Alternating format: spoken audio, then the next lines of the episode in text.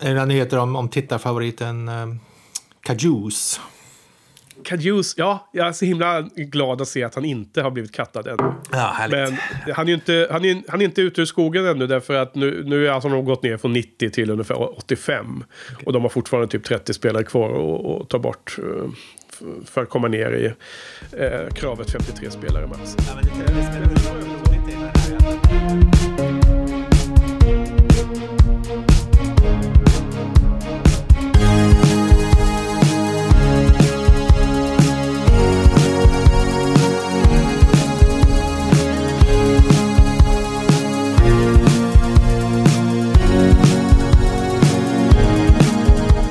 Välkomna till Shiny-podden säsong 4. Eh, det åttonde avsnittet av denna säsong när vi eh, pratar om Hitchcock. Eh, och det är med mig, Henke. Och mig Frans.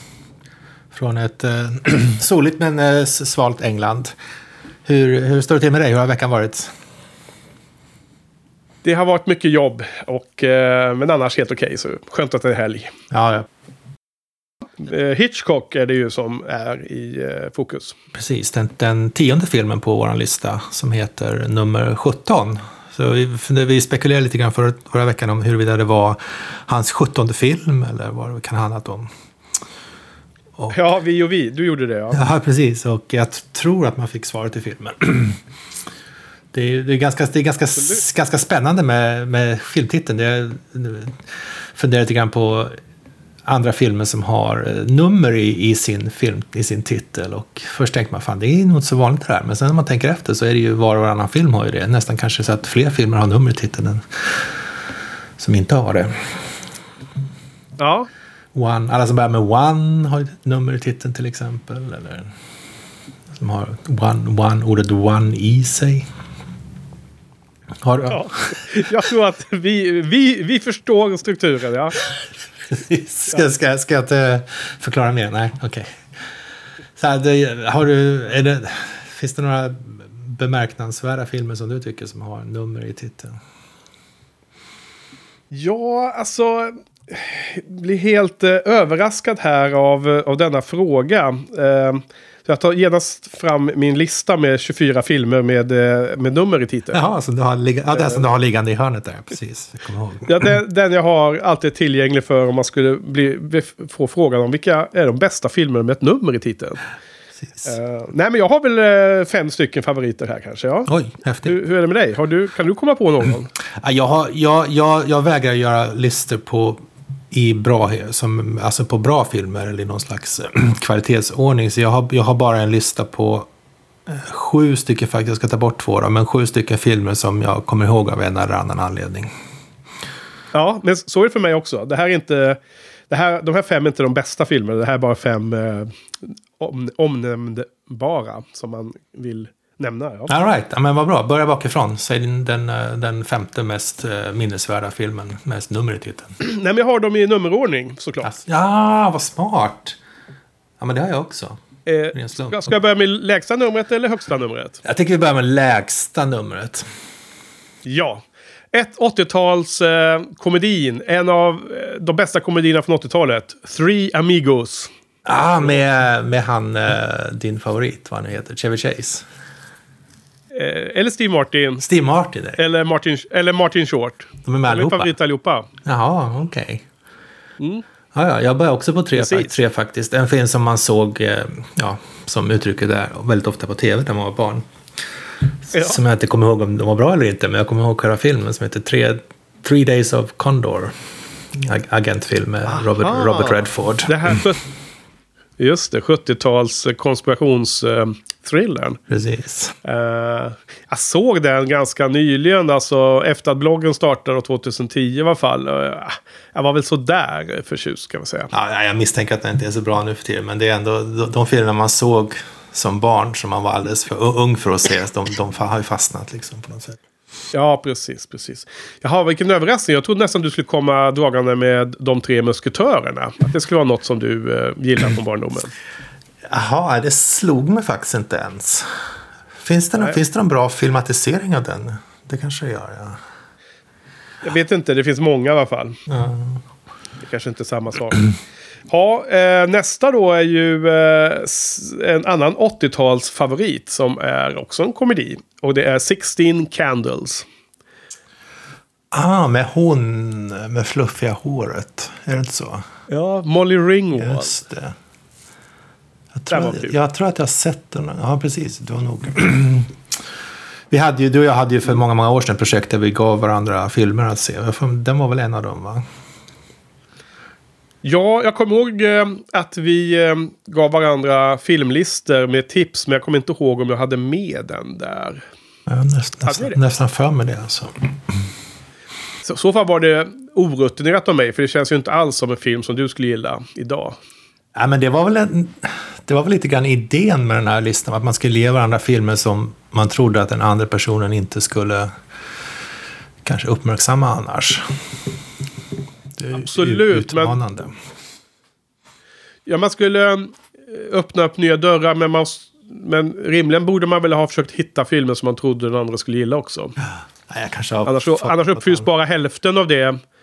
Va? Vad sa du? Jag kanske har fått den på något annat sätt. Det, det låter kanske Ja, rimligare.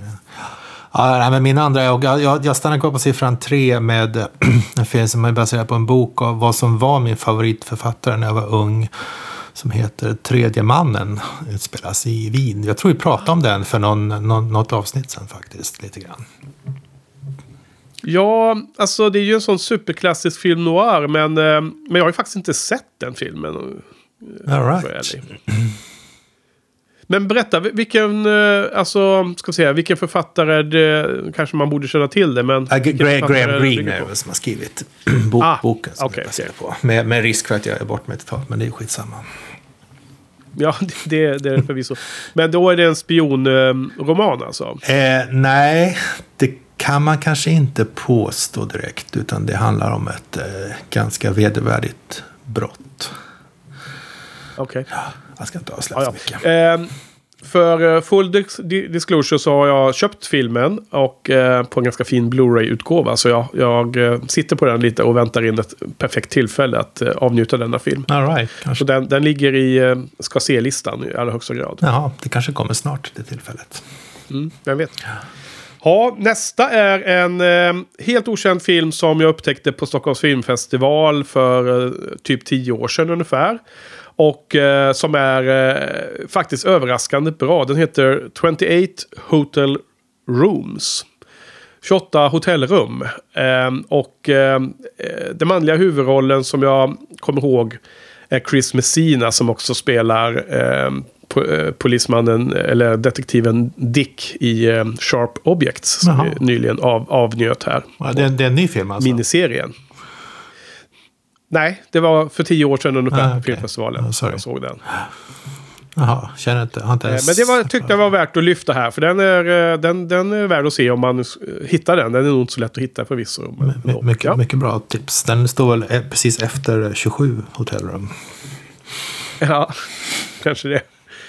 Ja, Ja, ja, min- din då? Min nästa är Will Smiths första och överlägset bästa film som heter Six Degrees of Separation.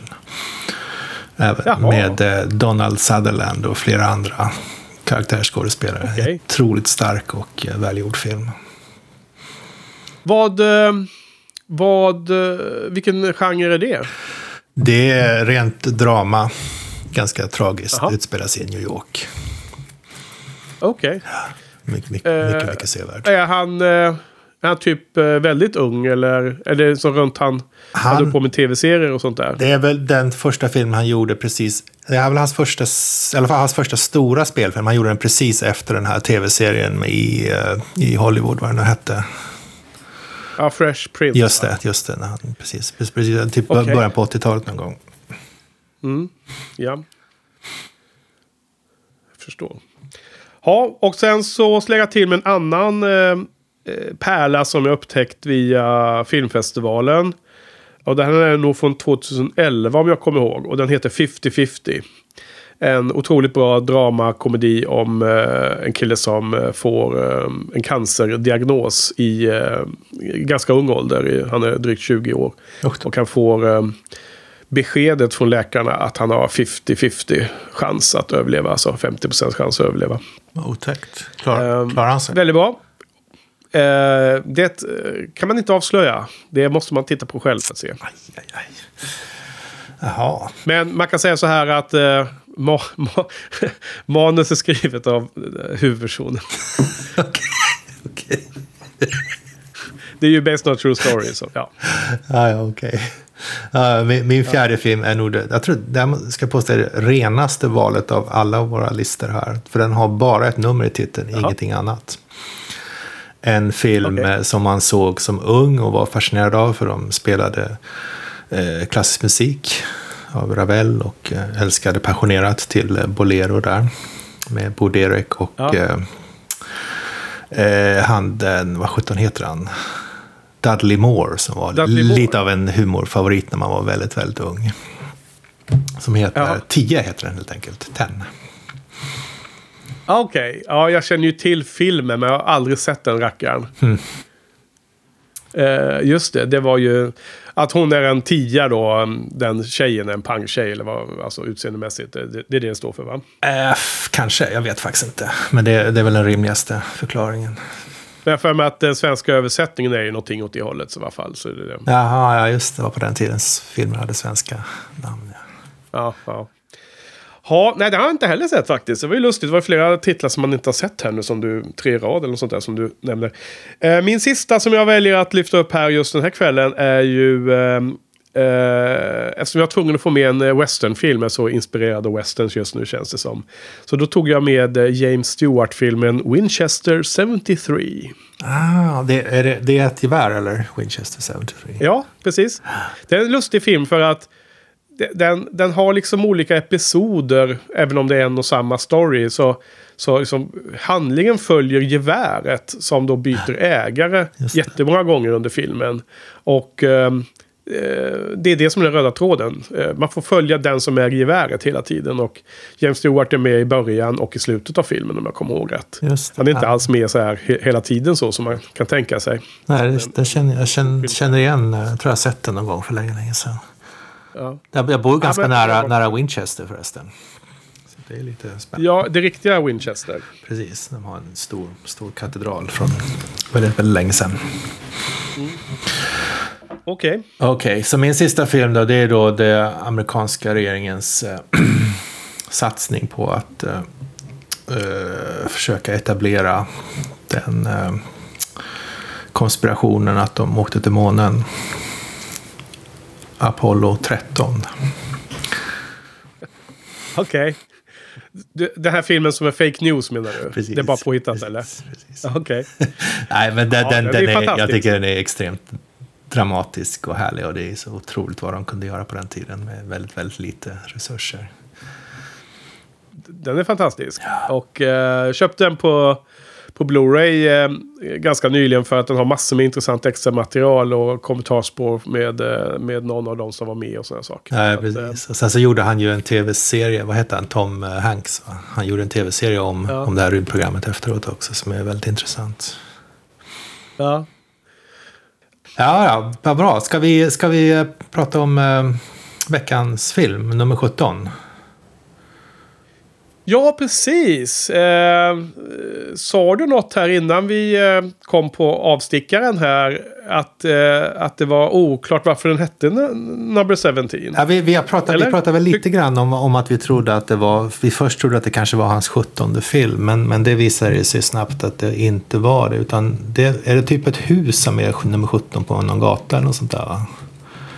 Absolut. Det är ju... eh, Eh, det är det enda som jag har sett det som i alla fall. Jag menar, det är ju, eh, adressen är ju nummer 17 på den gatan. Eh, det huset som det första halvan av filmen utspelar sig i har ju en tydlig siffra 17 på, ovanför dörren. Så det är ju någonting.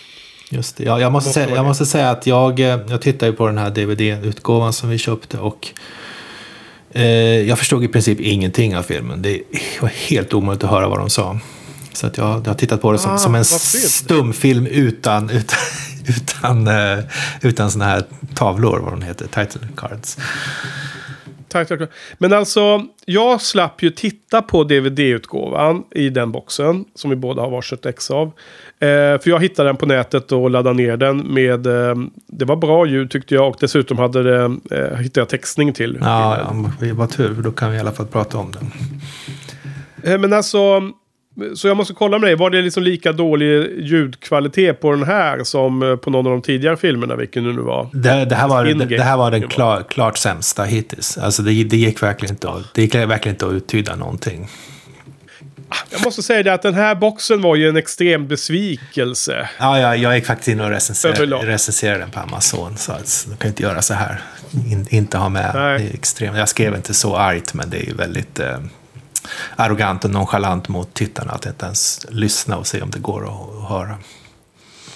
Ja, alltså det är ju otroligt dålig kvalitet på ljudet på vissa av de här filmerna. Eh, och det är alltså Studio Kanal som har gjort den här på 2000-talet. Och man blir ju väldigt förvånad att de inte har lyckats hitta bättre eh, kopior att ta, ta eh, som master i, i DVD-produktionen. Ja, och, och det, är också så irriterande. Att, de inte, att inte någon på något produktionsmöte har räckt upp handen och sagt att det är dåligt ljud, vi kanske ändå ska lägga, lägga ner fem franc på, eller euro eller vad de har nu för tiden, på att lägga in subtitles. Ja, absolut. Och jag menar, eh, extra irriterande att inför varje film så kommer Studio Kanal-loggan som är svinhög volym jämfört med ljudnivån på, det, på resten precis, av filmen. Och, och, som också är helt så här, bra ljud, klart modernt ljud. Och sen så går det över till det här skrapiga, mycket lägre, eh, ibland då helt odugliga ljudet från filmen. Ja, väldigt trist. Eh, sen måste jag ändå säga att eh, det som gör ändå att köpet av boxen var okej okay var väl att den här dokumentären på en timme ungefär, eller lite mindre än en timme, som vi kanske kan prata om i lite slutet av poddningen idag, eh, tyckte jag ändå var, var väl värd att få se. Den dokumentären var ganska kul tyckte jag. Också. Ja, jo, nej, men det var väl... Eh, det är spännande att prata om den. Ja. På slutet. Så att, så att jag, jag vet... Men annars? Ja, förlåt. Ja, Nej men annars var det en stor besvikelse och det är liksom synd man köper en, eh, en, film, alltså en box med, med flera filmer som man egentligen tycker är bra. Men, men så måste man ändå försöka gå ut och hitta dem på nätet för att kunna se dem i, i vettig kvalitet. ja, det är lite man kan ändå ha gott samvete för man har betalt för dem då tycker jag. Ja, det kan man. Ja. ja nej, men, men alltså, jag, det lilla jag fattade av handlingen så verkar det som att det var en ganska spännande film. Med, med, dråpliga vändningar. Det fanns ju en dråplig vändning på slutet som vi väl kommer till så småningom, som jag, som jag tror att jag uppfattar i alla fall. Så att, eh, det kändes som att det skulle kunna varit en bra film, eller vad, vad tycker du? Ja, alltså jag, jag, tycker att den är någonstans i medel av de som vi har sett nu. Den, den, eh, som, som vanligt på de här tidiga eh, filmerna som Hitchcock, eh, hans så kallade engelska period, så är det då en film som jag tror att filmbolaget har, har mer valt åt honom än att han själv har valt ut den efter intresse. Ja. Och att den då också som vanligt bygger på en teaterpjäs. Eh, som, som fanns och som var väl, antar jag då, populär på den tiden. Just. Så att... Um, jag tycker det är lite intressant att den här filmen är, har två sidor, eh, två halvor. Där den första halvan utspelar sig inne i det här huset då med adress nummer 17. Eh, nattetid eh, och mycket dialogdriven i en och samma location. Eh, väldigt teatraliskt i någon mening. Och sen andra halvan, eller åtminstone eh, sista delen. Eh, jag har inte analyserat hur, hur, många minuter det var per halva där då, men per, eller per del menar jag. Men den andra delen så är det då ehm, en slags actionfilm med en eh, jakt eller en eh, flykt där, eh, där huvudpersonen jagar de onda så att säga. Och att eh, Hitchcock då lustigt nog har eh, laborerat med sån här modell, eh, modell, eh, modeller för att filma det här. Både tåg och båt och broar och sånt. Och väldigt mycket av den där sakerna är i, i modellformat som är filmat då med vinklar och, och liksom hit, hit ska, det ska se ja. realistiskt ut. Men det lyckas väl inte 100% direkt. Men det är lite charmigt. Ja, jag, jag tycker också det. Jag har också märkt att det var en kul kontrast där från det här extremt eh, lilla mörka formatet till det här extremt storslagna när de reser genom Europa i väldigt hög fart. Ja, och han har ändå äh, även då äh, I slutet åker ju tåget äh, och kraschar och en, en av vagnarna åker ner i en, ett vatten, en, en sjö, vad heter det, hav eller flod eller vad det är. Och då helt plötsligt klipper det till i, i full size eh, inne i en sån där vagn med vatten som strömmar in och en, eh, en mm, kvinnlig karaktär är liksom fast eh, i, någon, i något hörn där och hon håller på att drunkna och blir räddad. Och då är det liksom, då har han byggt upp den på sätt liksom. Så då, då är det ju ett riktigt eh, storle, rätt storlek och så vidare. Så då, det, det är ganska, ganska bra gjort ändå om man säger så för att vara en så tidig film. Ja, jo precis. Jag tänkte just på den här eh, i Universal Studios, om den fanns kvar nu, den här eh, från jordbävningsfilmen. Det här Nej. sättet, när jag var där för många, många år sedan, då hade de det, det, sättet som man kunde titta på med tåg som hade kraschat ner genom, eh, genom någon betonggolv eller någonting. Det var ganska häftigt. Det var lite, Jaha, lite liknande. vilken, film är det? Är det, är det den med Sylvester Stallone eller? Eh, Jag vet faktiskt inte, men det handlar om jordbävningen 1906 eller när det var. Jaha. Nej, när, när var det? Eh, nej, Tidigare va? 1906. Nej, alltså det finns någon eh, film med Stallone, men det är ju liksom påhittad nutid. Nej, nej, utan det här var om, om eh, tror jag i alla fall. Nej, jag kan ha helt fel. Det var ju 30 år sedan ungefär. Jag såg det där. Eh, jag såg inget, inte till något, något sånt när jag var på Universal Studios i Los Angeles förra året. För det är det vi, vi pratar om, eller? Det är inte i Florida? Precis. Ah, Okej. Ja, ja. Ja, nej, men, men filmen börjar med att det kommer en uh, verklighet snubbe va, som, som, ställer, som står utanför ett hus. Och jag, jag tror att det blå, blåser väldigt mycket, för, eller om det är bara en vinglig kameraman. För det, de har gjort, försökt göra någon, någon slags effekt med att vingla på kameran så att, för att illustrera någonting. Jag antar att det är blåst. Vad tror du? Okej, jag, jag tänkte inte på det. ja. Eh, och eh, dramatiska stråkar. Och så går han, går han in i det här huset och träffar på en eh, luffare med en extrem cockney-accent. Som man, man då antar är han, folk ska tycka är lite roligt. Att han är lite så här korkad från East End. Men korkad men välvillig. Eh, vad, vad man nu kallar för en eh, partner i filmen där. Ganska ja. ja. jobbigt tycker jag. Sånt. Let me go, Governor. I ain't done it. What were you doing up there then? I'm coming here for shake me down, see you. Must get somewhere to sleep, mustn't I? I ain't got no money, see? Lost, lost my ship. Oh, but I ain't never murdered him, Governor. No, I ain't that sort. Some Bob I ain't. We'll see about that. Ja, och själva översättningen av hans dialog var, gav ju inte så mycket extra. För att det är ju bara... Alltså han, han, han uttrycker sig som en idiot hela tiden. Så att det är ju inte, inte någon sån här superavancerad eh, dialog heller. Eh, Det, det, det känns som att man kan lika gärna bara lyssna på hans tonfall så säger det lika mycket som hans ord. För det är bara konstiga, eh, om, ja, vad heter det, slanguttryck hela tiden. Som man ändå inte är relevanta idag känns det som. Ja, jo, precis. Och han kallar alla för governor. Gör, ju folk fortfarande. Ja. Så här, jag, jag, jag har lite svårt för det här. äh, ganska ne- nedlåtande mot, mot äh, folkgrupp tycker jag. Ja. Alltså, själva... Eh, det är lite svårt att få en känsla för filmen tidigt tycker jag. Det, eh, jag hade inte läst på om vilken typ av genre det var. Jag tror vi, vi pratade om det förra veckan också. Att det är kul att se filmen utan att egentligen veta om det ska vara en komedi eller en drama eller en thriller. Eller vad det nu kan vara. Men eh, det var liksom väldigt svårt att eh, pejla in vad man var i för någon film, tyckte jag. Eh, håller du med? Ja, jag, jag tror att jag förstod ganska snart att det var någon slags eh, kriminalthriller. Men det var, det var svårt att förstå vad temat var. För det, det verkar som att det hade skett ett mord i det här huset. Men sen så höll ju folk på att jaga efter något halsband också. Så jag visste inte riktigt vad som var. Om de letade efter en mördare eller en eh, inbrottstjuv.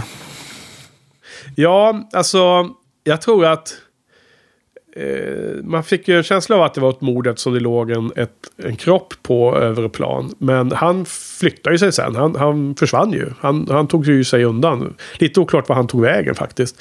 Ja. Och det var ju pappan då till den unga tjejen som också var där i huset visade sig. Eller var uppe på taket först och, och så. Han- Och det var, de var ju för övrigt från huset bredvid, de, de två. Nummer 15. Ja, han var inte död alltså. Nej, han var inte död. Han, eh, han försvann och, och så var det ganska dåligt hanterat. Man fick aldrig riktigt klarhet i det, så vitt jag förstod. Ja, Eh, Allting handlar ju om att det var ett, en, en stöld av ett väldigt dyrbart halsband och de som, eh, som, som... Jag tror att det var någon som skulle sälja det till någon typ hälare eller något liknande. Och det var de som skulle försöka fly undan polisen. Och eh, våran huvudperson, han som dyker upp i första filmrutan och, och eh, som filmen inleds med att han kommer in i huset är ju polisen då som är på jakt efter. Han kallar sig för For det- Forsyth eller något sånt där genom nästan hela filmen. Jaha. Ja, det är möjligt. Men alltså var det det som var eh, twisten mot slutet? Att eh, huvudpersonen var polis? Var det det du menade tidigare? Eller? Han, han, han var ju polis som, som kallade sig för Foresight, fast han inte hette det. Och en av bovarna föreställde ju, eller pers, in, per, vad säger man, impersonated, För, eh, impersonerade en polis. Och han hade då av eh, ren otur hade han råkat välja just den polisen som huvudpersonen egentligen var. Just det. Så Ja, precis. Det var inte han presenterar sig för honom som, som jag heter. Det är jag som är inspektor Barton, säger han. Men Ja. det är som, I, I'm Spartacus. Jag, jag är Barton, säger han.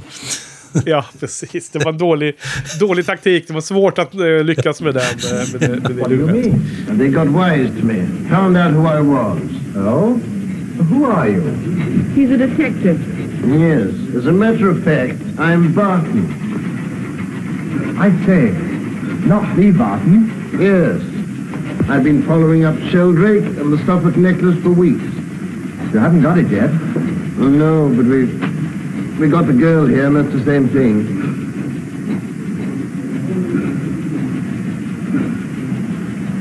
I say, Mr. Barton. Mr. Barton. Don't let's be too hasty over this. I don't want to seem rude, but aren't you rather exceeding your rights? Kindly let me deal with this in my own way. All right. Then supposing you drop Barton and take on your old name of Doyle. What do you mean, Doyle? You're a clever fellow, Doyle. You made two bad mistakes. The first in thinking that the police were only after the necklace.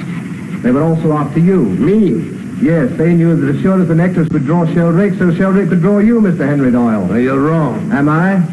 And the second bad mistake was in posing as a detective. And of all detectives as Barton. The comic part of it is, I'm Barton. Ja. ja, men det är liksom nästan... Är, är det här liksom ett eh, teman som Hitchcock kommer jobba med senare, tro? Som vi kanske kommer få se i de mer kända filmerna. Att det är, det är de här liksom att man ska inte riktigt veta vem som är vem och de håller på att lura hit och dit med eh, identiteter. Är inte det någonting som kanske återkommer ibland? Ja, vi får väl se. Det känns som att man skulle kunna göra det. Jo, men nu frågar jag. Får, får, vi, får vi prata ur eh, skägget här?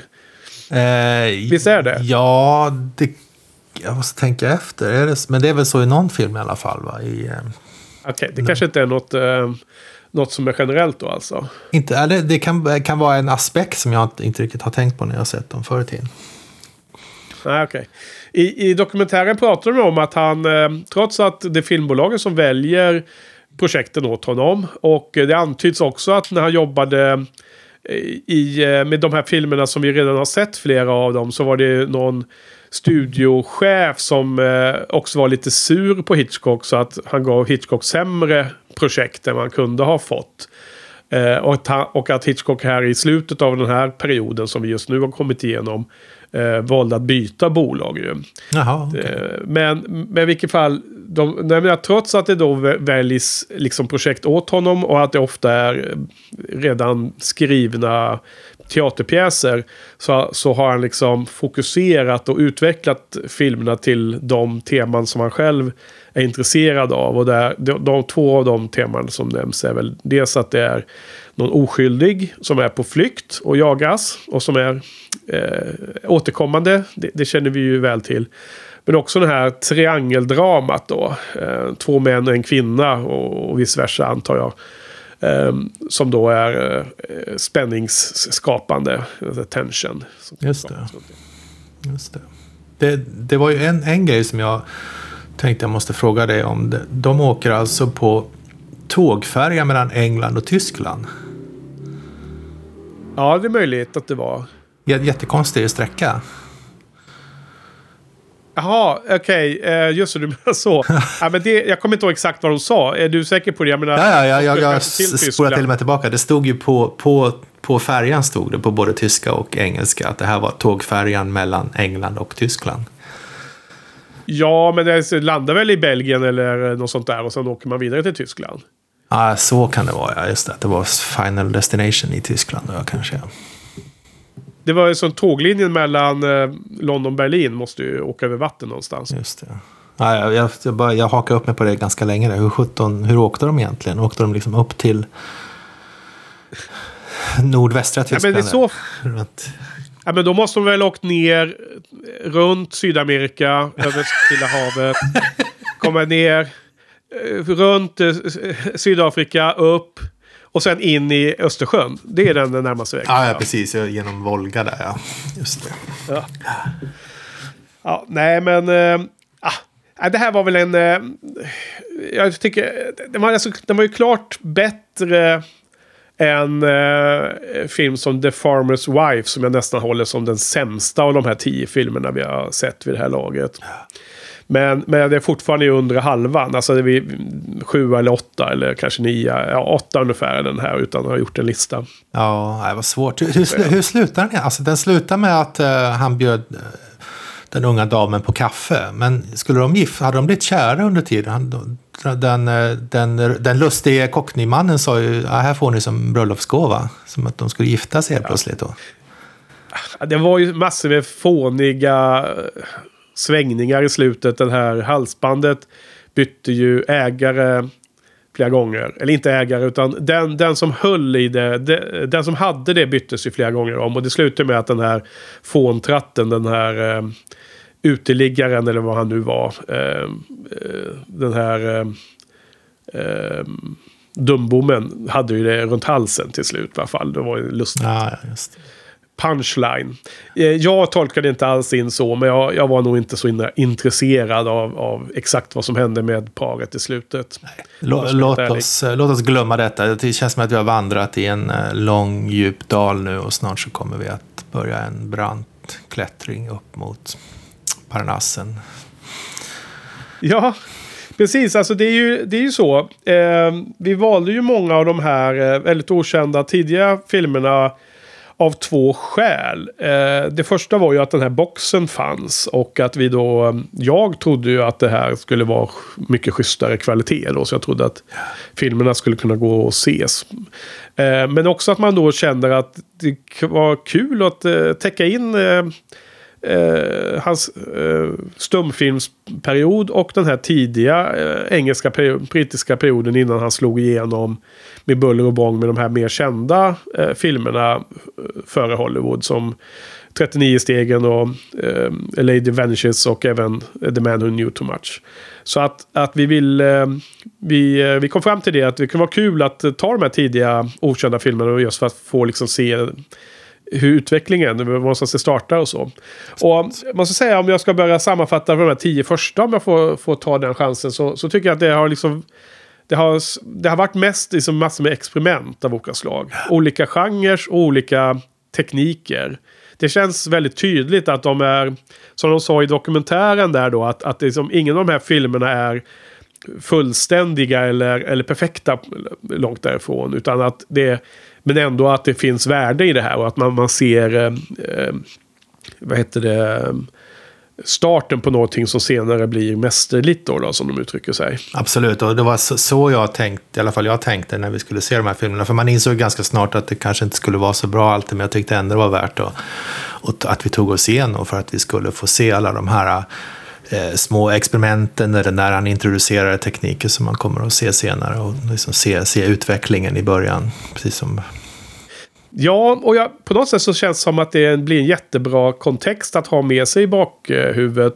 När man ser de här filmerna där, där man nå, förhoppningsvis, eller ja, som vi redan vet nu då, kommer få se stora kliv framåt i kvalitet på hela helheten då.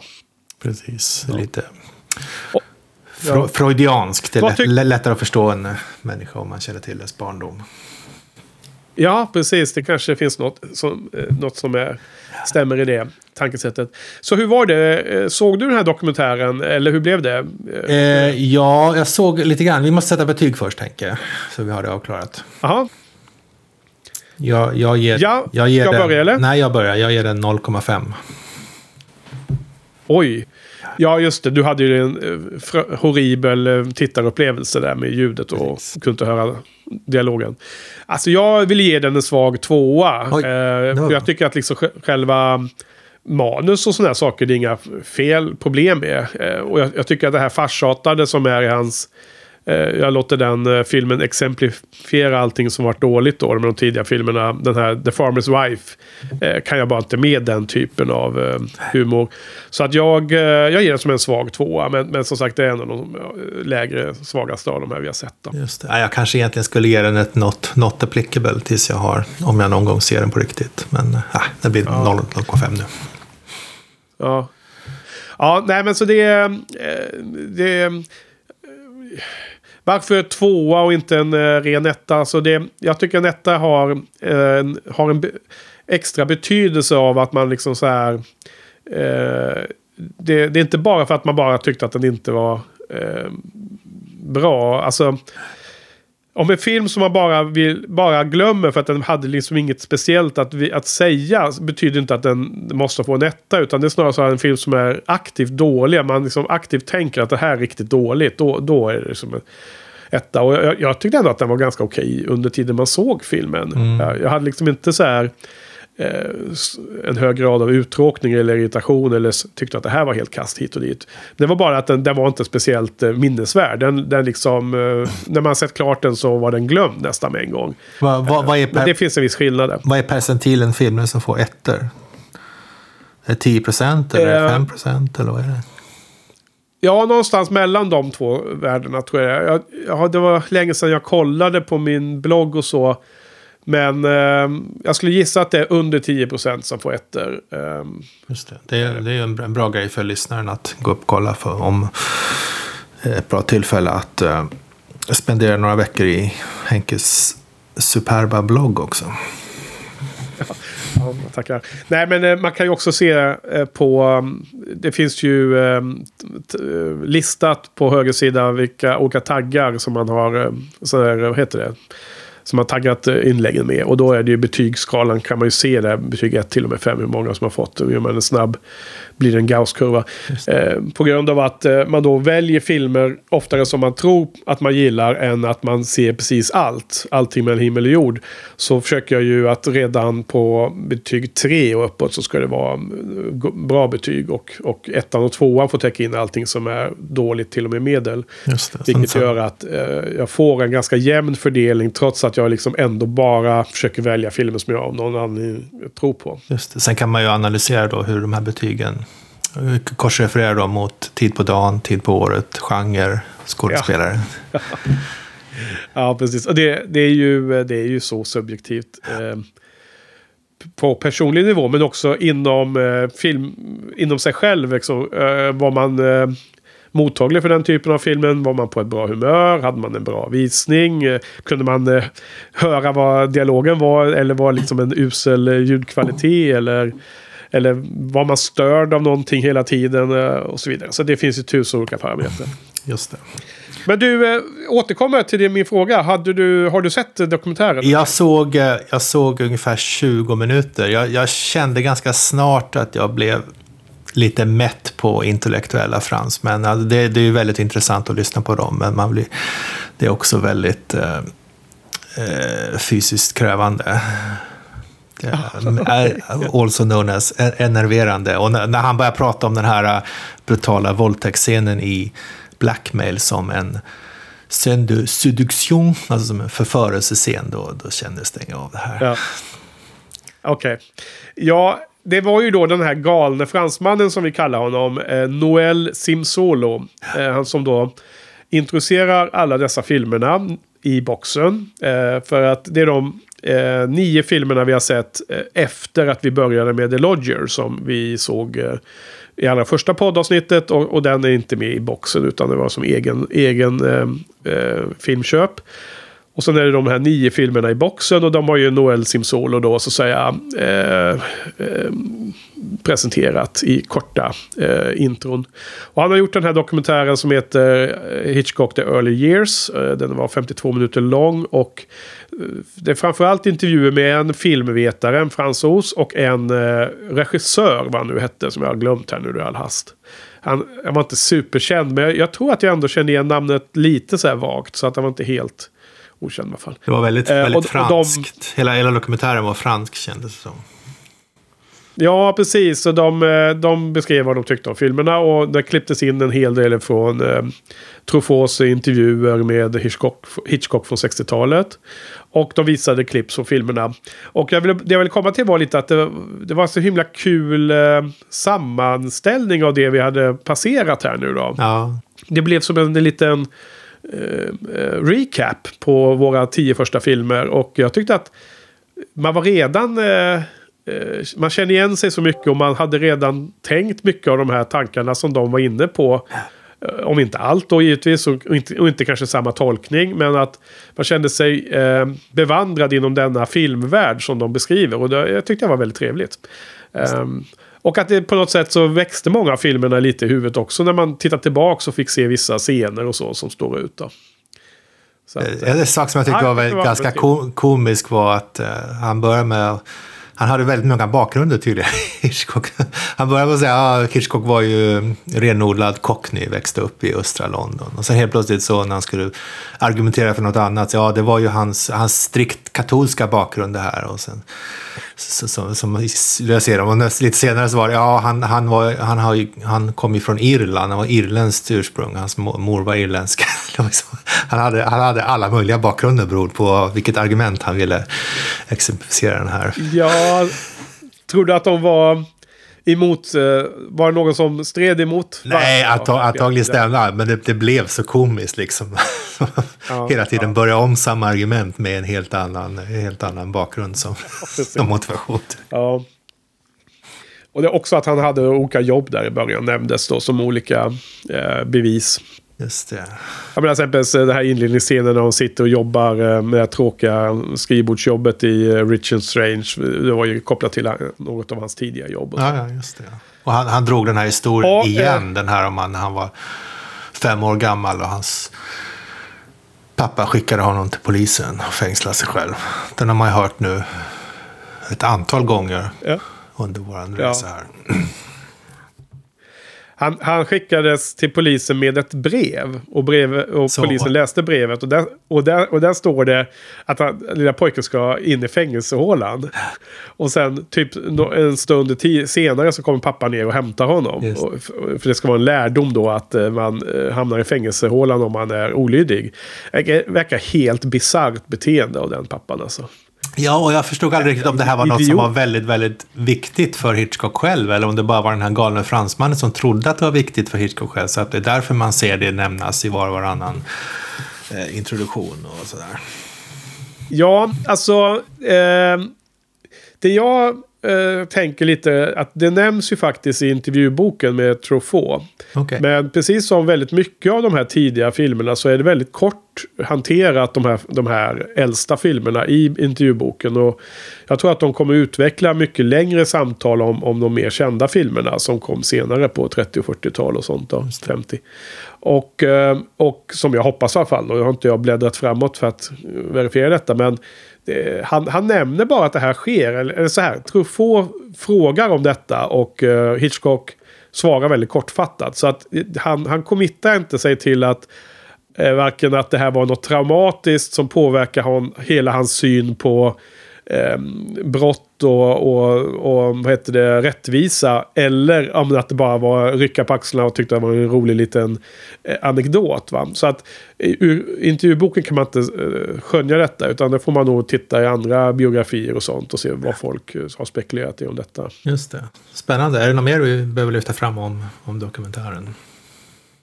Nej, eh, lite, men det är lite oplanerat så kan jag bara säga. Eh, av de här tio filmerna som vi har sett nu så måste jag ändå säga att jag tycker att fyra filmer av de tio eh, har varit riktigt intressanta att se och riktigt bra.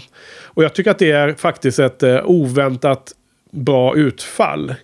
Eh, jag tror att jag har eh, gillat filmerna något mer än vad du har gjort. Eh, åtminstone om man ser matematiskt betygsmässigt. Och de filmerna som jag då tycker är värda att, att lyfta från de här tio är då The Lodger. Eh, som var egentligen en ganska fantastisk stumfilm. Om man tänker in allting. Eh, Blackmail. Eh, hans första talkie. Eh, Murder, som kanske är den bästa filmen som vi har sett. Samt eh, den personliga favoriten Rich and Strange. På grund av den här roliga kvinnliga huvudrollen. huvudrollsinnehavaren. Just det. Så det är de fyra som jag tar med mig mest från den här fasen av podden. Eh, nu har vi inte pratat om det innan någonting, så jag vet inte om du har några filmer du vill lyfta, men... Ja. Nej, men jag, jag kollar på min, eh, min uh, Letterboxd eh, lista här, rankar den i betygsordning, så är det just Lodger och Murder som kommer högst upp. Så det stämmer ju. ja. Eller ja, vi är överens där. Ja. Och, då, och därmed så stämmer det ju. Därmed är det en objektiv sanning. Eller hur? Ja, det är hu- 100 procent av, Ja. av alla som är med i den här podcasten tycker det. Ja. Q, QED. Mm. All right. Precis. All right. Så, så nästa, nästa, nästa avsnitt, om det, när det nu blir, så ska vi kolla på Mannen som visste för mycket, eller hur? Nästa avsnitt är om en vecka. Eh, högst troligt. Ah, härligt, härligt. Just det, just det, härligt. Det, det är alltså en, The Man Who Knew Too Much. en, en pre, pre-make, eller vad säger man, när en film är original till en film som är mycket mer känd. Ja, precis. Det är ju eh, ofta att eh, filmerna görs eh, remake hit och dit. Men i det här fallet så har ju Hitchcock gjort båda dessa två filmer vi nu pratar om. Eh, han har gjort samma film i England och sen gjorde han den i Hollywood då. På 50-talet. Just det. The Man Who Knew Too Much. För det är väl, det är väl precis samma film va? Samma manus och allting eller? Är jag vet inte, det visar sig. Men, men det är vad jag tror i alla fall. Ja, spännande. Den andra filmen har ju en, jag ska inte avslöja något, men den har ju en väldigt centralt eh, element i den filmen. Det ska bli spännande att se om det elementet är med i den här första filmen också. Okej, så du har, du har inte sett eh, The Man Who Knew Too Much från 34 alltså? Nej. Då är då slutsatsen. Nej, inte jag heller. Ehm, vi börjar ju närma oss en, en fas där vi sen kommer ramla in i att se varje, varenda film som man har gjort ju. Enligt våran eh, Precis. förut eh, genom arbe- eh, diskuterade plan här då. då. Eh, vi har inte nått dit ännu så att nu hoppar vi ju den filmen som heter Waltzes from Vienna. Som då anses som vara liksom hans eh, sämsta film i hela karriären. Och eh, enligt eh, dokumentären, eh, som jag gissar att du kanske inte kom så långt då, om du stängde av tidigt. Eh. Så, så enligt dokumentärfilmen så berättar de anekdoten att under inspelningen av Waltzes från Vienna, så eh, under en stor sån här ballroom dansscen inne i en sån stor danshall. Så ställer sig Hitchcock upp på en stol och utbrister över skådespelarna att det här uppenbarligen inte var hans genre. Eller något sånt där. och sen spelar de vidare. Men eh, den, den skippar vi. Det, det får bli eh, eh, after hours, något extra material i framtiden om, om, om något. Men eh, nästa vecka, The Man Who Knew Too Much. Härligt. Spännande. Härligt. Det ska bli super, superkul. Sen, så, sen, ja, sen som du sa, sen bara ramlar det ju in här. 39 steg. Lady Vanishes. Ja, och så vidare och så vidare. Precis, så första säsongen eh, Hitchcocks har vi ju tänkt att vi kör hans filmer till och med slutet på 30-talet. Just det. Eh, Så att jag tror att vi har sagt att vi ska köra fram till och med eh, The Lady Vanishes va? Precis. Och eh, det är då från 38. Eh, ja.